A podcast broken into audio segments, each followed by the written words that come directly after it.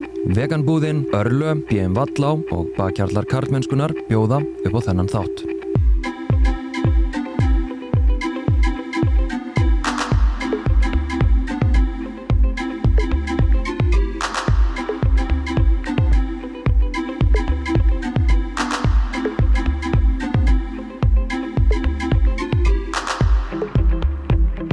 Veganbúðin er venjuleg búð með allt sem er vegan. BM Vallá gegnir fórustu hlutverki í framleiðslu á steipu og múrvörum og stefnir á kólefnis hlutleysi árið 2030. Örlö framleiðir fyrsta vegan omega-3 bætiefnið í heiminum með jákvægt kólefnis fótspor og þú getur síðan skráðið sem bakkjarl á karlmennskan.is, skástrygg styrkja og tryggt að það sem að þú ert að horfa á eða hlusta á sé ávalt opið og aðgengilegt öllum.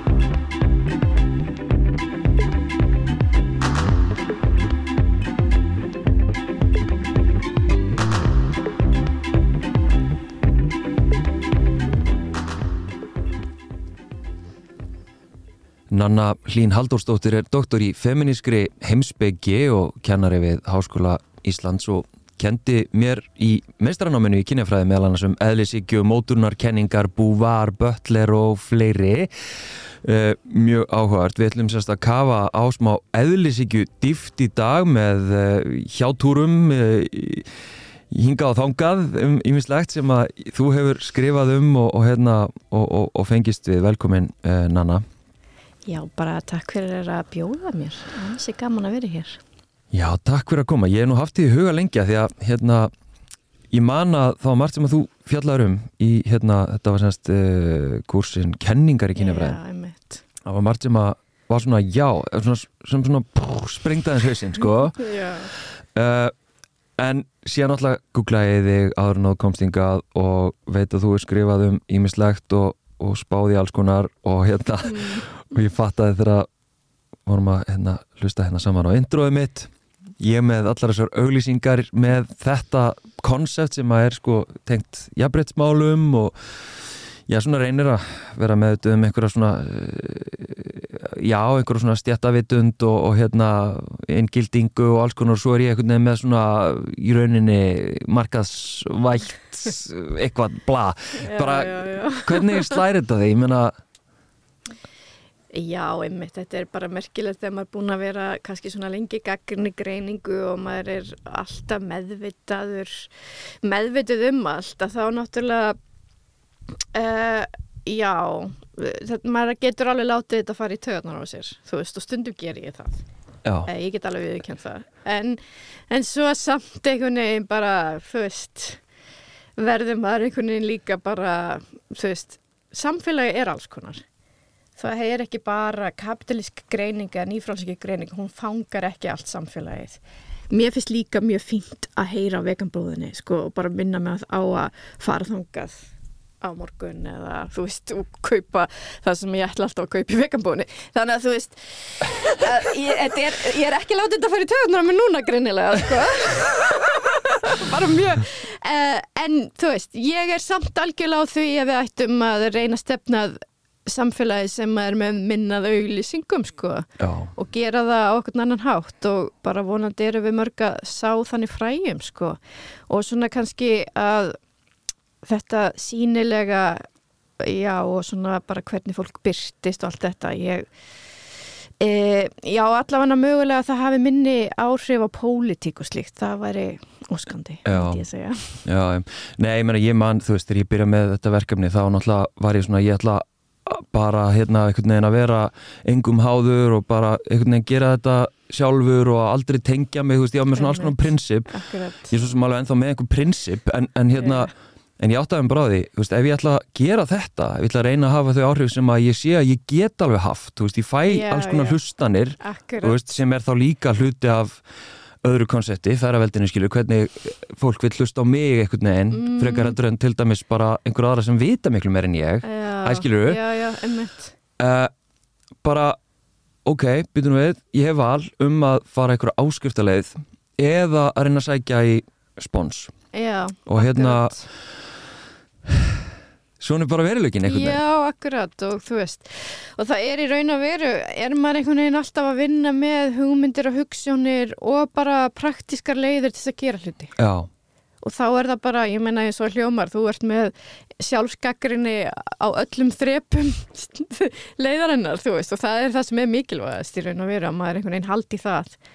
Já en síðan alltaf bara, eh, þú veist þar maður stundum bara, ok, ég, ég veit að þessu þetta er, æ, skilur. Já, akkurat. Og svo verður maður bara einhvern veginn að, að, hérna, að halda áfram, en svo veit ég ekki þú veist, er, það, er ég þá farin hérna einhvern veginn gegn sko prinsippunum og áhrjónum sem ég vill hafa, veist, það er svona alls konar pælingar sem að maður kljáist við.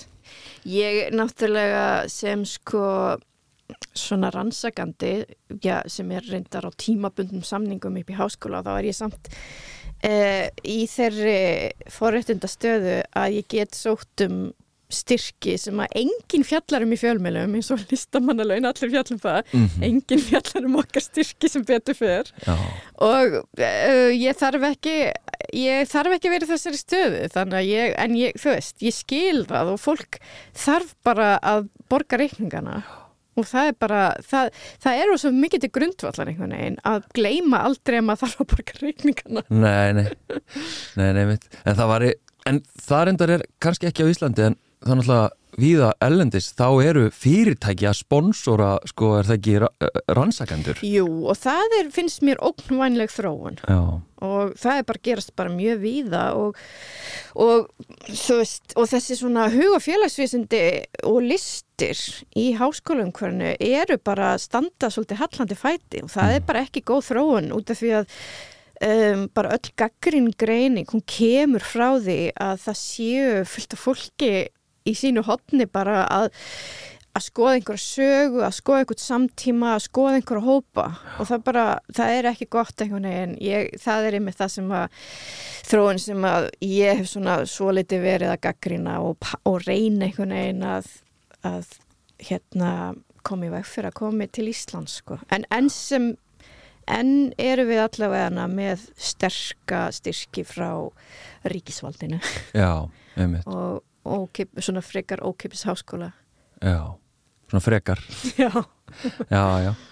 En ég meina ef, ef það myndi, semst, ef það er hérna, grafið undan því, ég meina, síðan er náttúrulega líka þú veist, það er mjög skipt ég meina, ég veit að til þess að kynjafræðin er, er sem deild, sko, und, undan undir hérna stjórnmálafræði já, Fræðinni. já, einmitt. er einhvern veginn stöðut í einhverju svona baróttum peninga. Já, einmitt. og hérna þetta hefur greint einhvern veginn líka þannig að, þú veist, þá hugsa maður sko, hvenar einmitt, þarf kynjafræðin eða hvenar þarf einhver eitthvað svið, eitthvað fræðasvið að rjúfa þessi prinsip og leita á náðir ég veit það ekki, einmitt, til þess að bara vera til? Einmitt, þú veist, og hvað þýð það? Eru hérna, sko farin að þinn út fræðin og eitthvað, en. Já, sko, mér langaði að, hérna, ég ætlaði náttúrulega ekki að byrja þessu, ég bara fattaði þetta þegar ég, hérna, við hlustum á þetta saman, en að því að mér langaði að byrja á, sko, uh, sem svona engang inn í bæði, já, nýjasta styrkin sem þú fjagst og hérna, Já, og svona inn í eðlisíkjun og karlagni og allt þetta, sko, að, hérna, þú skrifaði semst pistil árið 2021 fyrir stundina, uh, sem að þá hétt stundin sem sagt, það sem varst að gera upp árið 2021 og, og það er einn setning sem að, einmitt, er dóldi áhugaverð þarna, eða málskrein sem að þú skrifar sem að uh, hljómar svona sem heimspekingi þótti mér sérstaklega áhugavert að sjá umræður um hvað fælist í því að bera ábyrð á gjörðum sínum. Að ekki væri nóg að gangast við verkum sínum í orðum eða að markað setja hinn yðrandi mann heldur þyrti fólk uh, inn í svega menn í þessum tilvikum að takast á við sársökan sem fylgir því að gera sér grein fyrir að mann beitti annari mannesku ofbeldi einmitt. Hvernig hljómar þetta þín eru í dag? Já, veistu, þetta er bara eiginlega akkurat það sem að ég mun svo koma til með að skoða betur í þessu verkefni þegar að, e, já, þegar ég byrja svona almennilega að vinna í því og hérna, og ég hef skrifað svo litið um hugmyndur um ábyrð uh, ég hef skrifað grein sem heitir Tekur þú D-vitamin af því ég hef líka verið að vinna með hérna, stöðu langveikra mm. og þreitu, ég er í þreituransóknu núna.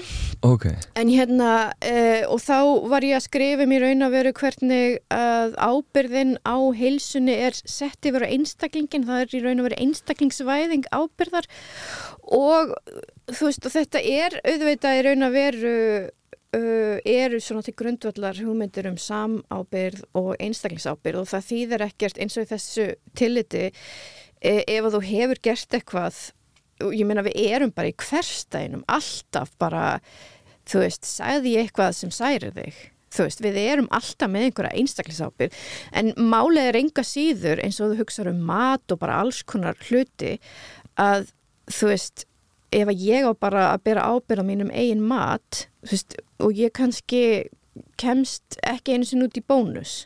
Já, ég kemst, þú veist, á ég meina McDonalds sem er náttúrulega ekki í Íslandi þetta er svolítið svona bandarist uh, að þar sést svo glögglega að það er þú veist, að samfélags ábyrð skiptir höfu máli og um, hérna, þannig að þetta er í raun að veru veist, þetta er það sem ég er að fara að skoða en á sama tíma í þessum báðum mítubildingum 17, 18 og 21, 22 byltingunni fyrir byltingin, hún gengur að mörguleiti út á samábyrð bara, uh, þú veist, að koma fram sögur og þær er að tala um uh, þessi vinnustadur, þessi stopnun þarf að breyta sínum ferlum Mm. þú veist, við þurfum að breyta formgerðinni og menningunni En svo kannski er það heldur ekki alveg nóg vegna þess að formgerðin er eitt og síðan er í raun að veru það að breyta formgerðinni og það að breyta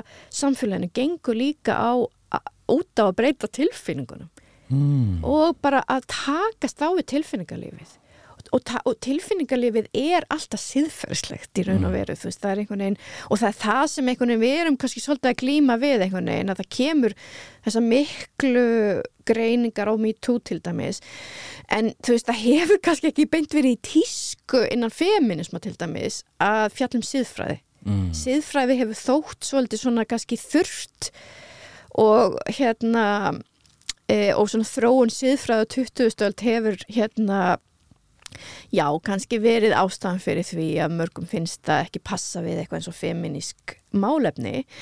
En e, það er hannu saga, ég ætla að fara fyrst í þess þennan yðrandi mann Já, sem, að, hérna, e, sem að mér langaði að tala um sko, Já. vegna þess að sko e, að einstaklingsábyrðin, hún skiptir líka máli, tilfinningarnar uh, þú veist, ef við uh, ég meina auðvitað hægt að einhvern veginn sjá manneskina á þann hátt að tilfinningar, að þú fæðist bara með x og y tilfinningar.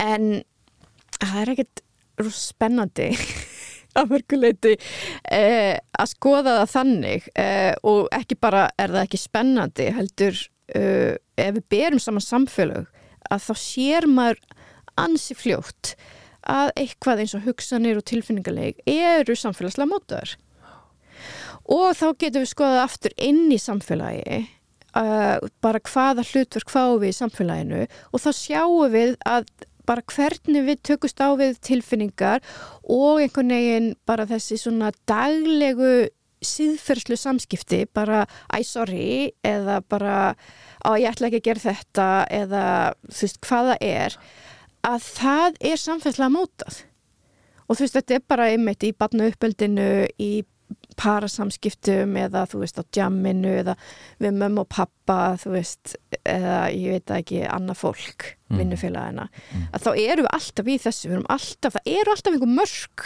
Mhm. í gangi Mhm.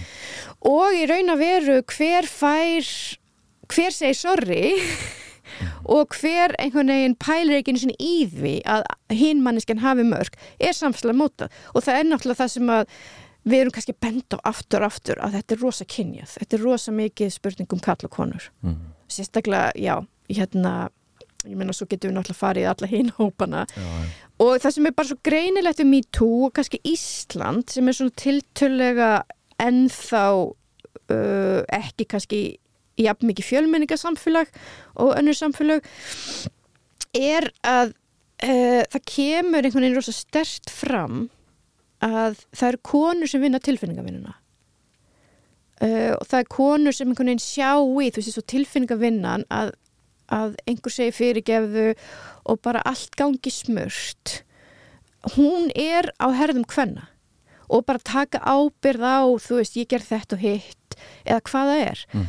og það er kannski svolítið svona þú veist það sem að sér í 21 byltingunni eru allar þessar eh, personulegu eh, eða bara hérna menn sem þurfa einhvern veginn að takast á við þetta að þeir eru allt í unni settir þá stöðu að þeir þurfa að takast á við hvað þeir hafi gert og hvernig þeir hafi í raun að veru brotið á annari mannesku mm. og þá sér maður einhvern veginn að það kemur talandum auðlýsingarnar í byrjun allt það ja. að það kemur rosa svona stert svona miklu meira performansin að segja fyrirgeðu mm. heldur en, hann er ekkit rosalega sannfærandi eða ekki að mínum að því mm. maður er ekkit eitthvað beint sannfærandi um einhvern veginn að þetta sé líka gerast í hausnum á manneskinni en hver dæmur um það? Það er alltaf hægt erfitt að dæmum það veist, það er náttúrulega eitt af grundvallar erfileikum lífsinn sem veit, ég veit aldrei hvað að gerast inn í þínum haus og þú ekki mínum en það er samt kannski svona um, já, það er kannski hægt að sjá að á því ég meina tilfinningavinna er bara eða það að íhuga sitt líf hvað skiptir máli í lífinu? Það er eitthvað sem þarnast næðis og tíma eitthvað sem gerist ekkert endilega í sviðsljósun þetta sviðsljós var rosalega mikið og er eitthvað, þetta ofinberð sviðsljós er rosa mikið í þessari hérna, hver hefur aðganga því, það er rosa mikið eitthvað nefndi grundvallar 21 byltingunni.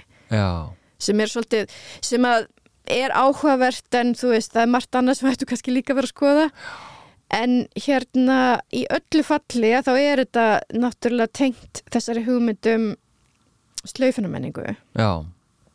En þú veist, slaufinamenning gengur jú út á það að þú kannski uh, þarft að fara að gera eitthvað annað en ofinberstörf sem er allt í lagi, það er bara alls konar störf í, í samfélaginu sem þarf að sinna, þú veist, þannig að bara fínt að prófa annað starf, skiliru um, en hérna uh, en fólk einhvern veginn finnst eins og manneskinn hafi rétt á sviðsljósinu sem eru ótrúlega förðuleg pæling fyrst mér og hérna líka náttúrulega þegar maður hugsa um hvað er rosa mikið að já það setur fólki sem eru engarött mm. í sviðsljósinu mm.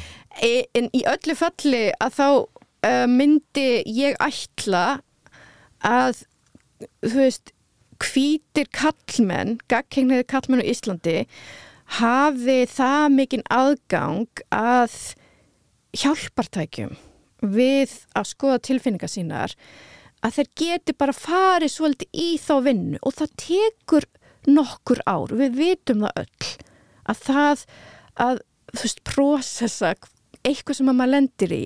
Ég meina, út af því að auðvitað eru þeir líka lendir í tráma. Mm. þú veist, það að fá á sig og bara gera sig grein fyrir að þú hafi valdið öðrum ofbeldi, það er trámatist mm. auðvitað En þetta er innmitt hópurinn sem hefur kannski meir aðgang að sálfræði þjónustu heldur nýjaðarsettir hópar, hafa kannski byggt upp meira kapital heldur nýjaðarsettir hópar. Þannig að það er kannski einhvern veginn ekki alveg hópurinn sem við ættum að eh, finna til samúðar með. og bara, þetta er líka almennt, svo við hættum að tala um persónlösuðunar, ákall um að kallmenn vinni sína bjevítans tilfinningavinnu og þarna kemur bara upp í manni bara guðminn almur, allir strákarnir, allir vinirnir sem hafa verið átt sem að sinni ekki einu sinni vinskapnum mm. veist, og svo koma stelpunar og bara eða við ætla að hittast já. Já, já. smá bitur í mér gamlum vinum sem að ringja ekki í mig Já, já, nei þetta veit, það eru margir ángar hann sko í þessu en, en hérna við ætlum, eða ég ætlaði þú ætlaðir kannski ekki neitt, þú hérna, mætir bara hérna og ég var svo svona búin að gefa það svona hvað mér langaði eins að fara inn í, en við ætlum að fara inn í eðlisíkjuna líka sem að náttúrulega snertir á karlagninni og náttúrulega mm -hmm. út frá þessum vingli mitt um já, jafnbreytmál og, og allt svo leið sko. en hérna uh, ertu bara svo klárum aðeins þetta með þennan yðrandi mann sko mm uh, að því að við náttúrulega erum að fást við og kannski byltingin síðustu byltingarna 2022 hafa náttúrulega verið dálítið drifnar áfram af þessum ofnbjörnum málum og hvernig líka tekist á við sko frásagnar valdið þú veist og, og hvað er satt og hvað er rétt skilur Já, að hérna einmitt.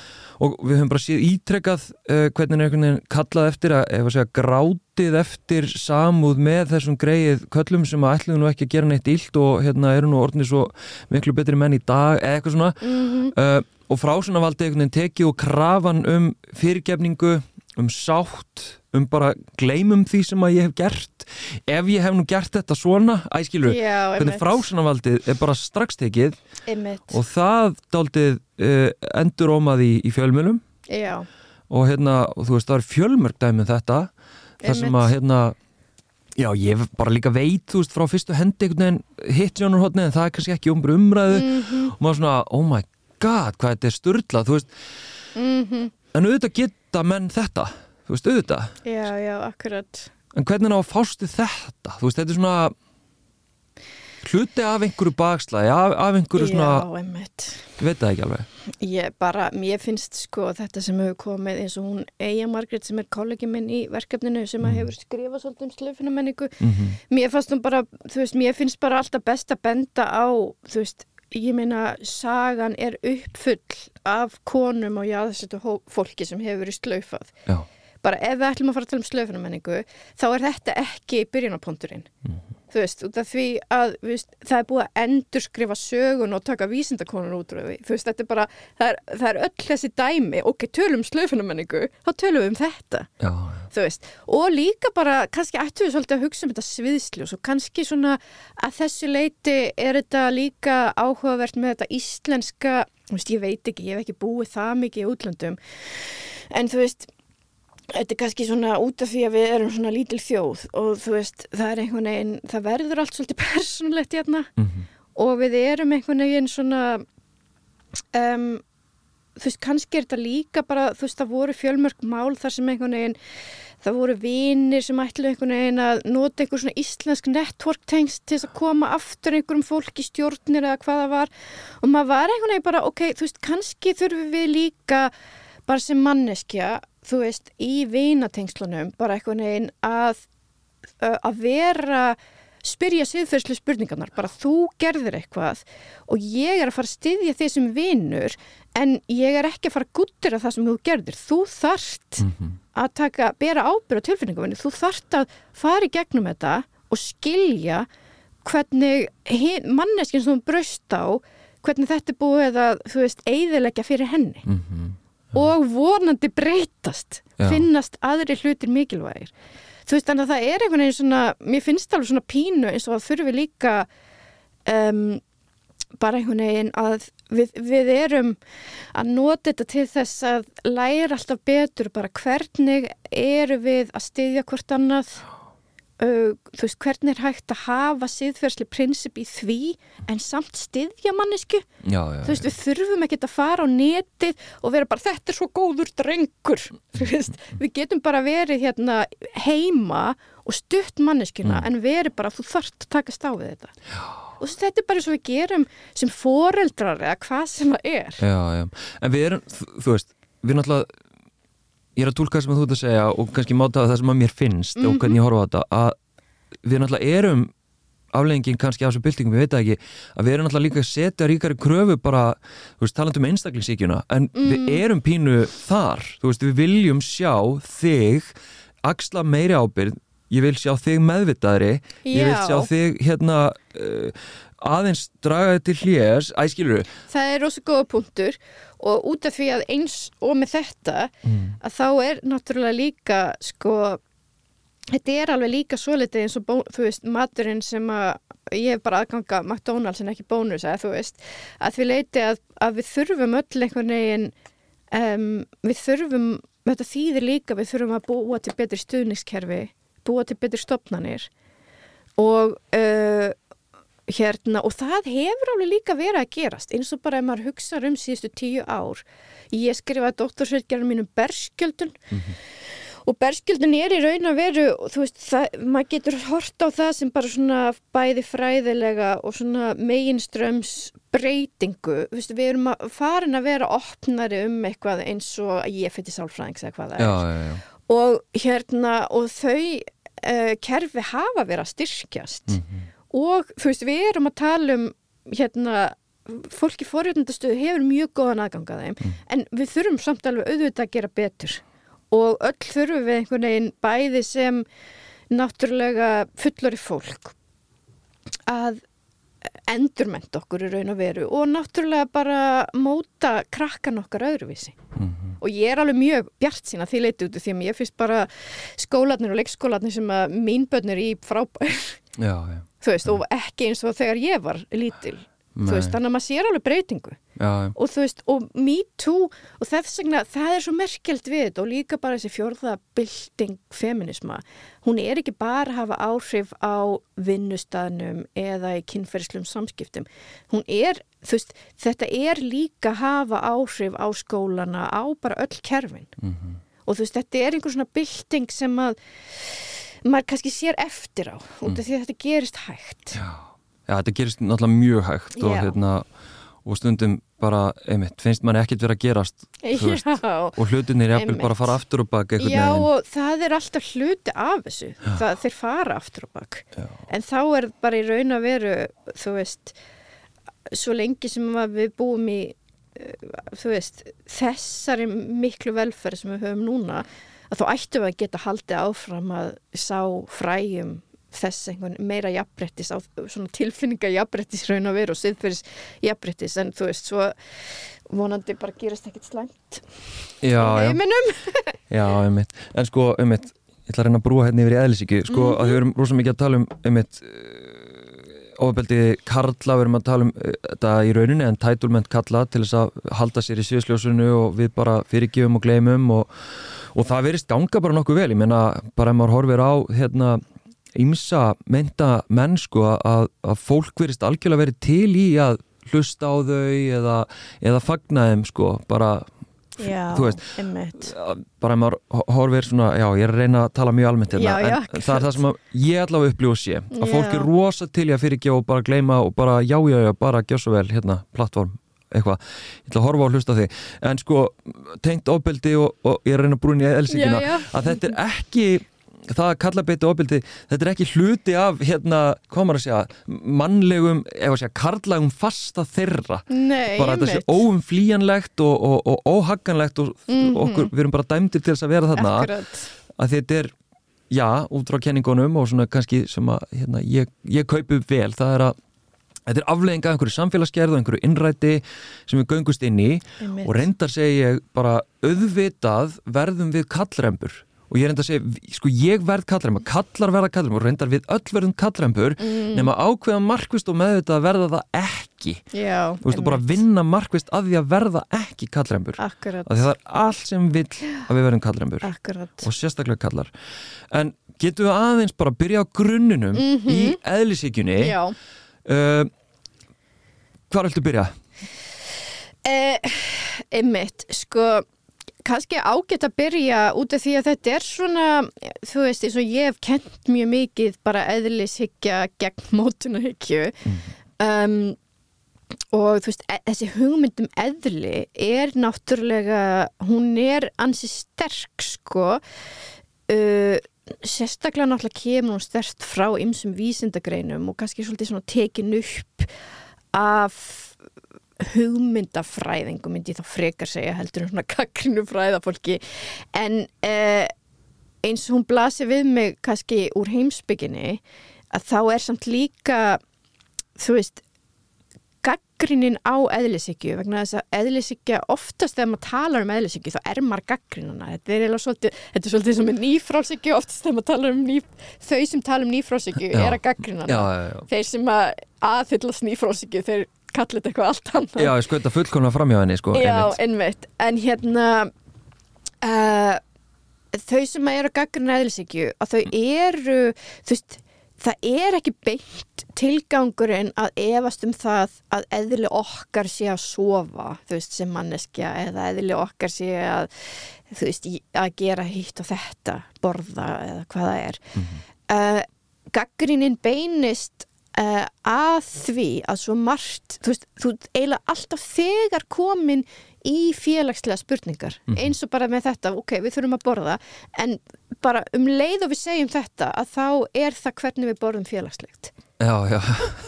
og bara, og svefnjapfi líka þú veist, þótt að hann sé svona grundvallandi þú veist, að þá er það bara félagslega hvernig við sofum mm -hmm. og hvenar við ákveðum að stilla klukkuna, þú veist já. þannig að í raun veru er mjög margt sett fram hugmyndalega séð í samfélaginu sem eðli okkar og eðlislegt og bara svona óbreytanlegt. Og svo kemur við betri skoðun í ljós að þetta er allt félagslegt. Mm -hmm. og þú veist og þetta er í raun að veru bara um, þetta gera sig grein fyrir hvað félagsveruleikin er í raun að veru miklu starri en við gerum, gerum okkur grein fyrir.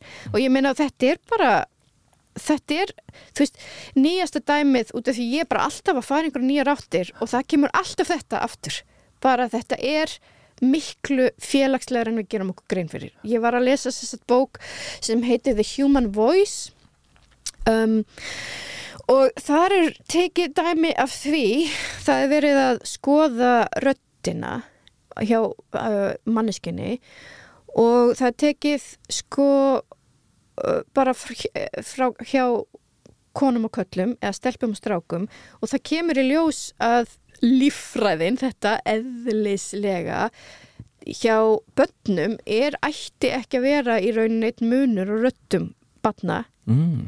en það er munur og röttum batna vegna þess að það sem kemur í ljós í rannsóknum er að sko fjagra fimm ára krakkar fara að kynja röttina sína þú veist, þetta er ótrúlega hvað, út af því ég var búin að taka eftir þessu stráknum mínum, þú veist, mm. þegar maður fjara ára hann var fann að tala á ákveðin hátt þú veist, mm. svona strákalega okay. og það er bara áhrif frá umhverfinu út af því að það á ekki að vera neitt munur á röttum strák og stelpna þú veist, þetta er svo í raun að veru ótrúlega dæmi og síðan var annað dæmi í þessari bók sem var að við upphaf útvarpsendinga áhugavert í ljósi hlaðvarpsins mm Uh, já, þetta var talað um 1920 að eftir að útvarps var svona sterkur miðill uh, þá kom strax í ljós, ég meina náttúrulega eiginlega allir sem að voru að tala í útvarpi voru kallar mm -hmm.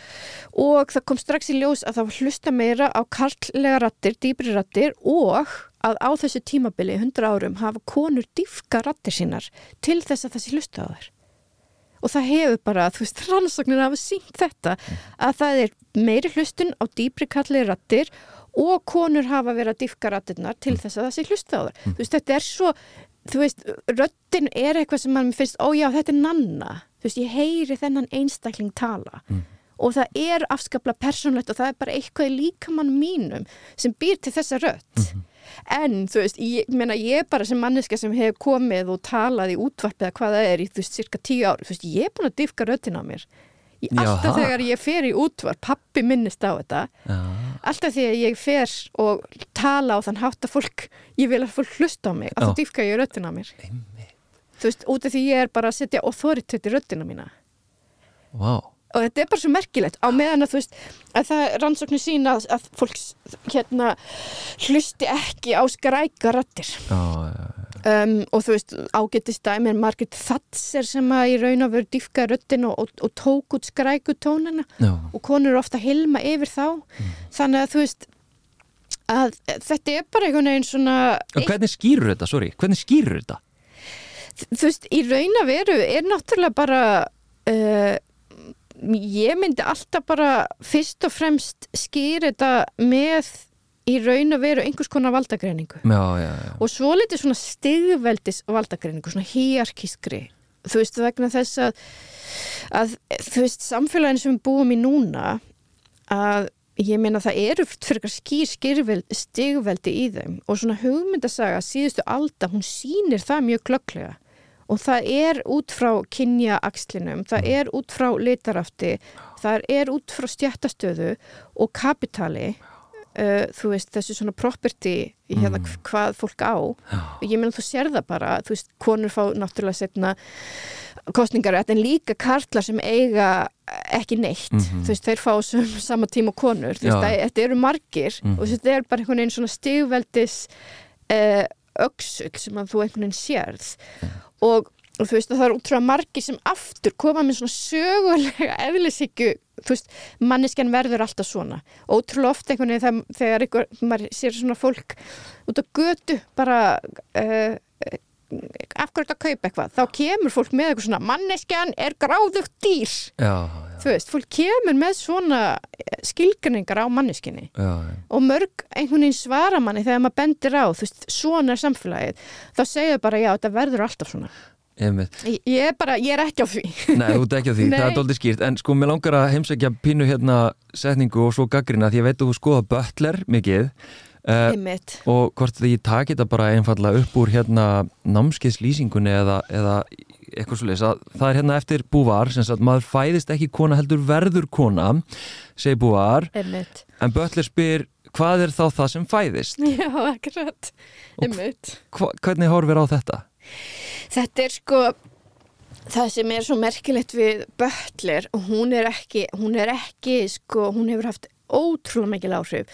Og maður sér það í raun að veru bara svolítið mikið á svona hinsegin aktivisma og feminisma sem er í gangi í dag að hann er undir mjög miklum áhrifum frá henni. Ok, og hún, þú veist, hún er í raun að veru með rótæka mótunahyggju já, þú veist, hún fer í raun að veru hún, hún hún fer í það að sko að útskýra fyrir okkur eða, eða færa rauk fyrir því að líffræðilegt kyn er alltaf þegar samfélagslegt kyn. Á íslensku hefur þetta verið þýtt sem kyn er alltaf þegar kyngerfi kyngerfi er þá félagslega kynið já, já, já. það er ekki til neitt líffræðilegt kyn.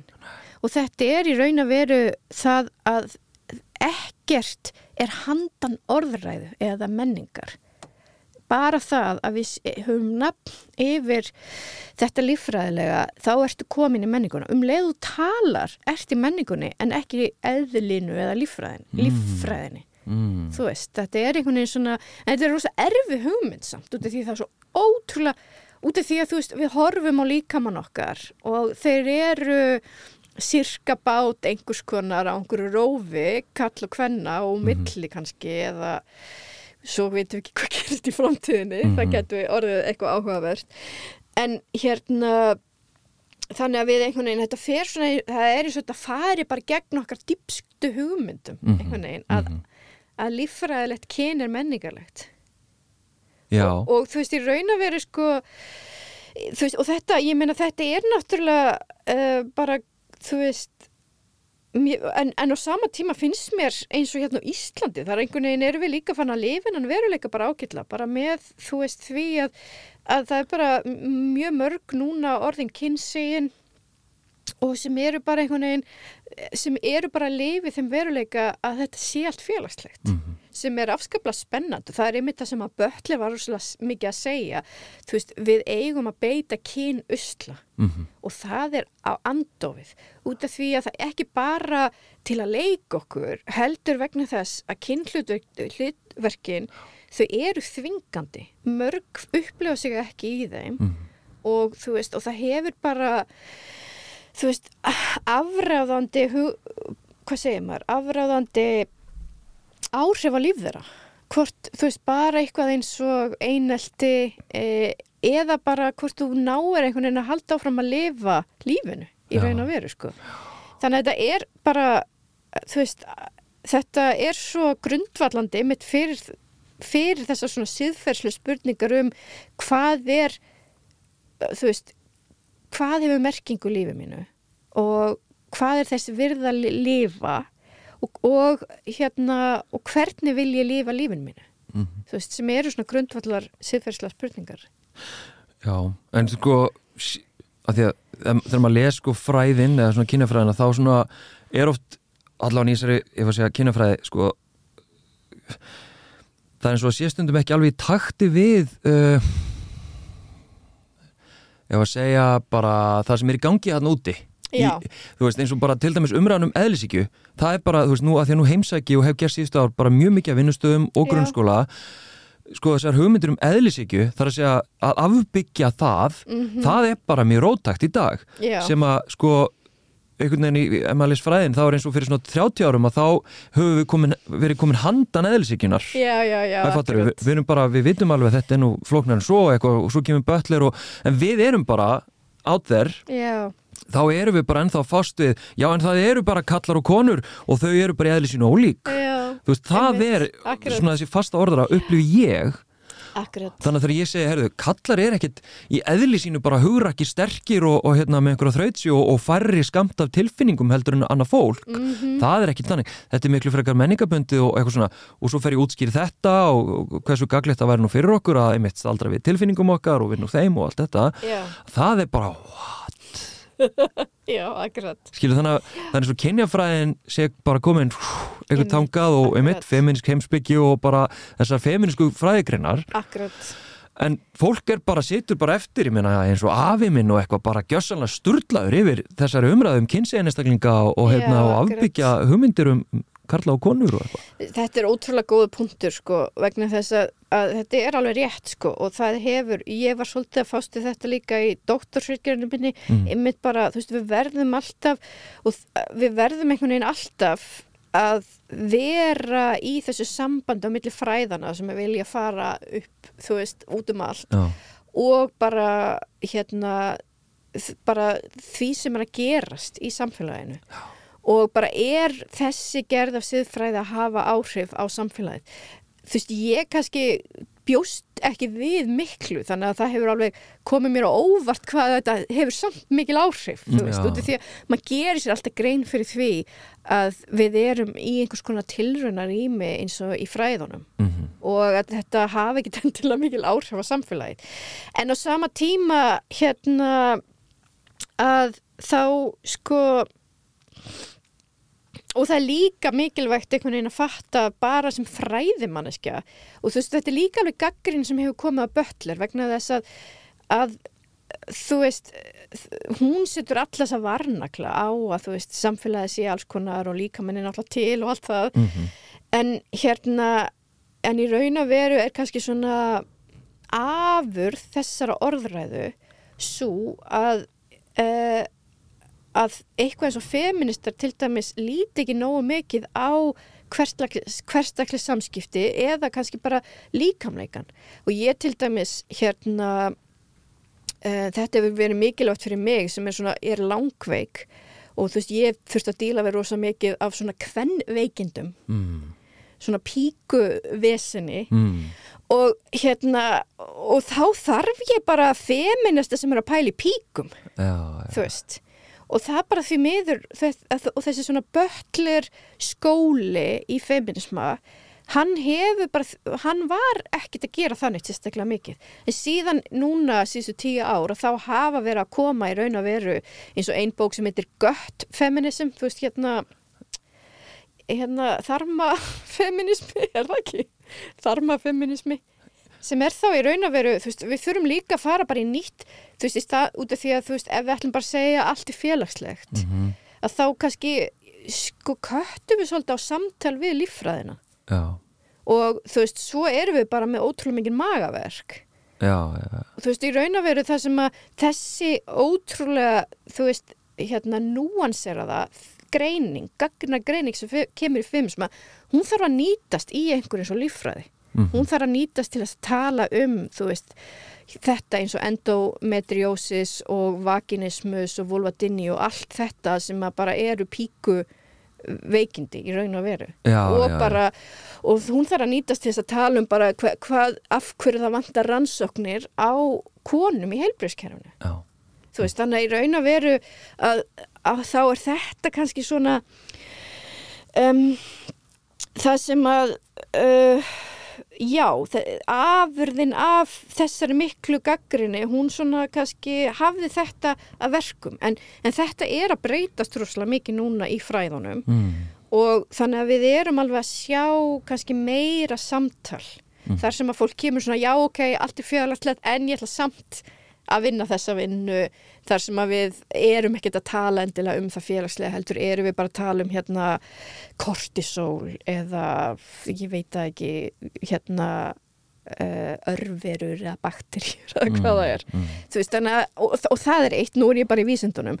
Svo er það bara akkurat hvernig eigum, hvernig eigum við að skoða hverstaslega samskipti og bara einhvern veginn allar þessar sögur sem koma af kynjónum mm, og þá náttúrulega sjáum við eitthvað eins og jafnvel þótt að þetta sé rosa störst þú veist, með uh, með hins egin veruleikan sem er orðin stór hluti að þá er líka orðið miklu stærri hluti allt í einu að hafa þessi gender reveal party. Já, já. Þú veist. Mm, og maður bara fer í hagkaup og náttúrulega markasöflin og þú veist, ég meina, maður finnur ekki föt sem er ekki kynjuð, mm, þú veist Mhm. og bara einhvern veginn maður, og þetta er bara veruleikin sem maður þarf að díla við einhvern veginn. Já, já. Og líka bara ég sem foreldri minna nú á ég þrjú börn og hérna ég hef kynjað þau öll sko. Mm ekki endilega með gender revealing hérna, hérna æskilur ekki þannig emmitt, en samt alveg bara, þú veist stelpa strákur, þú veist. Emmitt og mér finnst, þetta er alveg svona sem feministi og kynjafræðingur þá er þetta einhvern veginn trublandi já, þú veist, að þannig verður svona svona klass í gildunum mínum akkurat. og löngunum og væntingum af því að þú veist, ég er náttúrulega ég bý ekki hlutleysi, kyn skiptir máli mér finnst að það ekki skipta svo miklu máli en ég kannski læta skipta máli og svo, æ, fattur þau, þetta er svo, þetta svo mikill hrærugrötur Ég veit það og þetta er það sem við erum að lifa þú Já. veist, einhvern veginn. Þessi, er- þessi er svona hvernig ólík gildi og merkingakerfi eru bara einhvern veginn í mótsögnum. Já, og þú veist, og svo er það en það er alveg hægt að skýra þetta líka út frá Böttler út af því hún, hún tala líka til dæmis um sko í í heimsbygginu sem ég stunda þá tala maður mjög mikið um sjálfsveru sem Mm. er hugtak sem að útskýrir eh, bara í raun og veru að ég skil að þú ert ekki bara eh, eins og tölvan.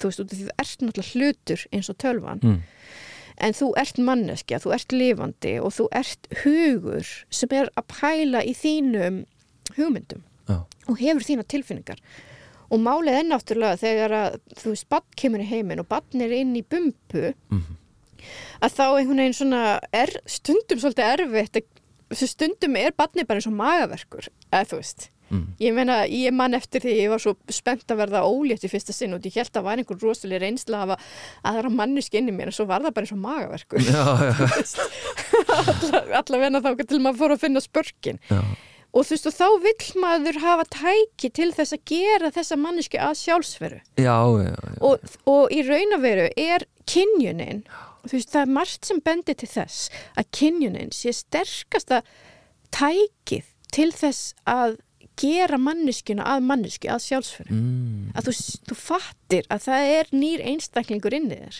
já, Og þess vegna er þetta mikilvægt. Og þess vegna, ég meina, ég get ekki, ég er alltaf að reyna að spyrja ekki, veist, en ég bara finn það oft, mér langar til að sjá þetta sem mannesku og þá einhvern veginn virkar hausinn minn þannig að ég þarf að kynja hana. einmitt. Það eru samt líka vandræði við það að segja að líka með sé bara líka með skiluru, að reyna einhvern veginn að taka, að gera þetta meira abstrakt flokki í raun að veru uh, og líka vegna þess og það sem að bötlir og þessi svona fræður alltaf að benda er að við erum alltaf þegar í einhverju sögu. Mm, þú veist, við erum alltaf í raun að veru uh, eru við staðsegt þú veist, við, það er alltaf félagslegt það að þú upplifið þig ekki í kyninu sem þú fæðist í.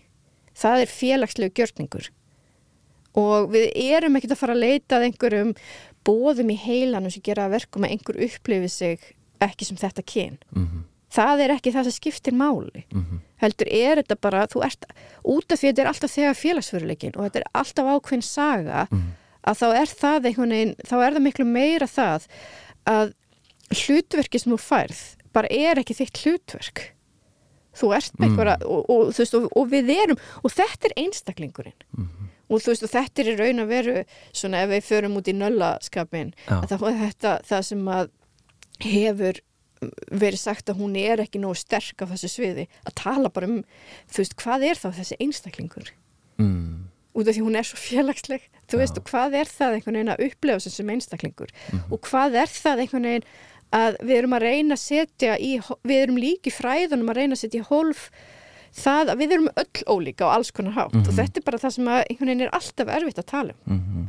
en í öllu falli þú veist að þá erum við bara við, við tilherum ákveðu samfélagi við tilherum ákveðu, ákveðni sögu og það eru til samfélag sem eru með annar, önnur kynnikerfi Mhm. þú veist og það er eitthvað sem að eins og mannfræðin og, og fleiri fög sín okkur þetta er bara þetta vestræna módel það er ekki algilt Nei, en sko hérna svona rétt undir lokin með langar hans að heimsækja berskjöldun en með smá viðkomi inn í nýfrálsíkjuna að því að sko hérna uh, ég heyrði ykkur staðar að, að hérna ok, það sem ég er að velta fyrir mér er uh, hefur nýfrálsíkjan og þessi mikla svona ég var að segja einstaklingshyggja kannski og svona í, ég var að segja í, í dansi við uh, svona rótækni í feminisma og, og hinseginleikanum og allt þetta sko einhvern veginn mm, stuðlað kannski að því að fólk er meira að hafna kynja tvíhyggjunni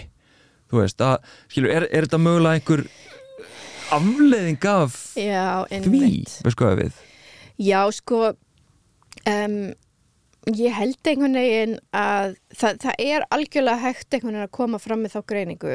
Ég er svona, mér finnst hún ekkit sérlega spennandi að því leiti og þú veist það er rosa mikið að marxiskum sem koma með að sjálfsmyndarpólitík hafi eigðilegt fyrir barátt okkur við auðvaldið Já. og mér finnst þetta bara að vera algjörlega til þess að gera heiminn svartkvítan Já, hann er ekki svartkvítur og þú veist sjálfsmyndar pólitík sem er þá einmitt bara að ég hef þetta kynferði og allt þetta Mhm.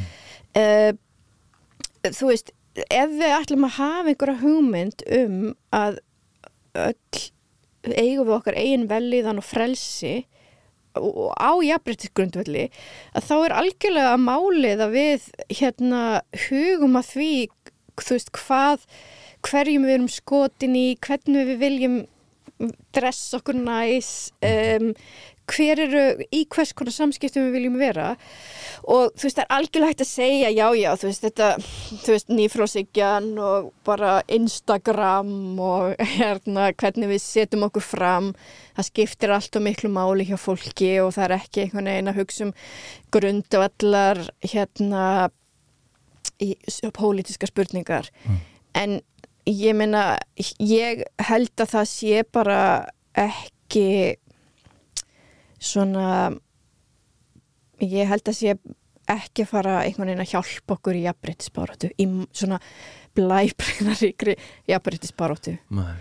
um, og ég held þetta sé miklu frekar leið hvers og eins til þess að stunda gagna hugsun. Já, já, og það er miklu og maður sér það bara þú veist bara sem kennari þá sér maður að þau sem að fara að hugsa um þetta veist og feminismin gengur rosa mikið út á að hugsa inn á við og hugsa um tengslin og rosa mikið út frá því fyrir fólk að hugsa um aðra pólitíska spurningar Einmitt. vegna þess að það er að beita ákunni lókik svo fer það að fa- fatta að það sem óföllu manneskja er búin að hafa föllunufordóma og það fer að fatta að það sem hvít manneskja hefur verið rasist Mm. þú veist þannig að í raun að veru er þetta miklu meira tæki til gagnar hugsunar Mhm. heldur en e, manneskja sem er bara að taka þátt í markasamfélagi. Já, já, einmitt.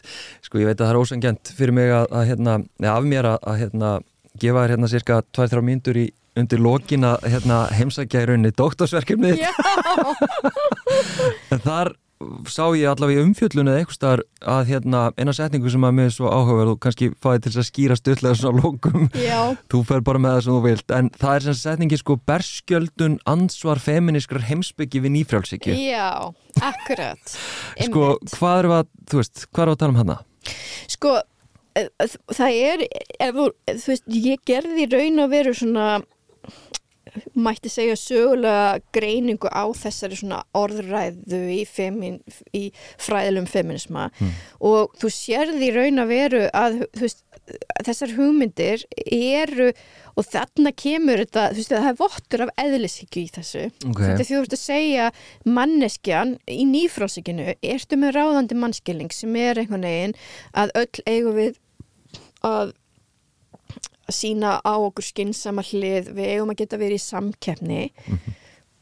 Og við eigum að vera sterk í raun og veru, þú veist þetta að vera sterkur, það er alltaf verið að tala um að vera sterkur, það er eitthvað rosa frábært að vera sterkur, ég veit ekki af hverju. En það verður einhvern veginn ákveðin deyð í nýfrálsökju og það er alveg líka, þú sér þetta líka í feminismu náttúrulega. Og gegn þessum hugmyndum kemur þá í raun og veru nýr mannskillingur sem er bara uh, við erum öll berskjölduð við erum misberskjölduð en við erum það öll. Þau okkar sem eru í það mikill forréttindastöðu við getum þóst vera sterk. Mm. þú veist, það er bara forréttind að þykjast eða þú veist, að geta settið fram þannig Mhm. þau eru líka berskjölduð.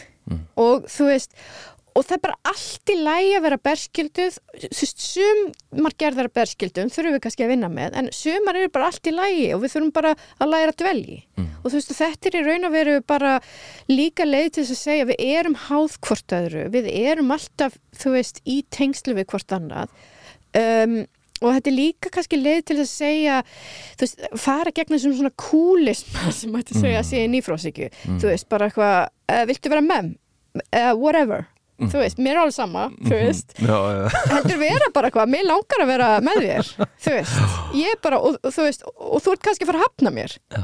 og bara, na, einhvern veginn ekki fel það, bara ég upplifi höfnun hérna.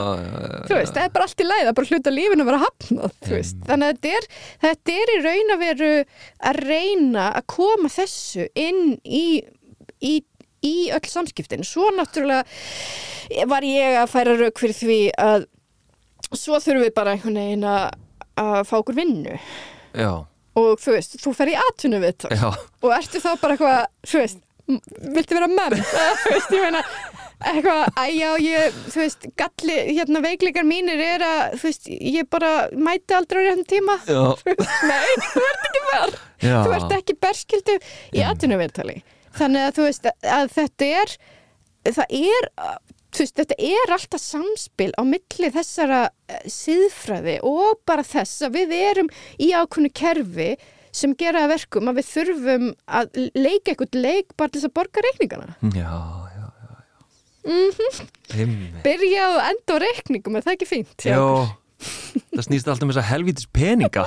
Ha, Hvað verið næsi og við þyrftum ekki á þeim að halda? Já, það var ágætt Já, já, ég, hérna, við gætum alltaf haldið endurist áfram en, en Nanna Hlín Halldórsdóttir takk hjálpa fyrir að koma og, og fræða mig og fara á dýftina í hérna, þessu nördaspjalli okkar. Takk fyrir mig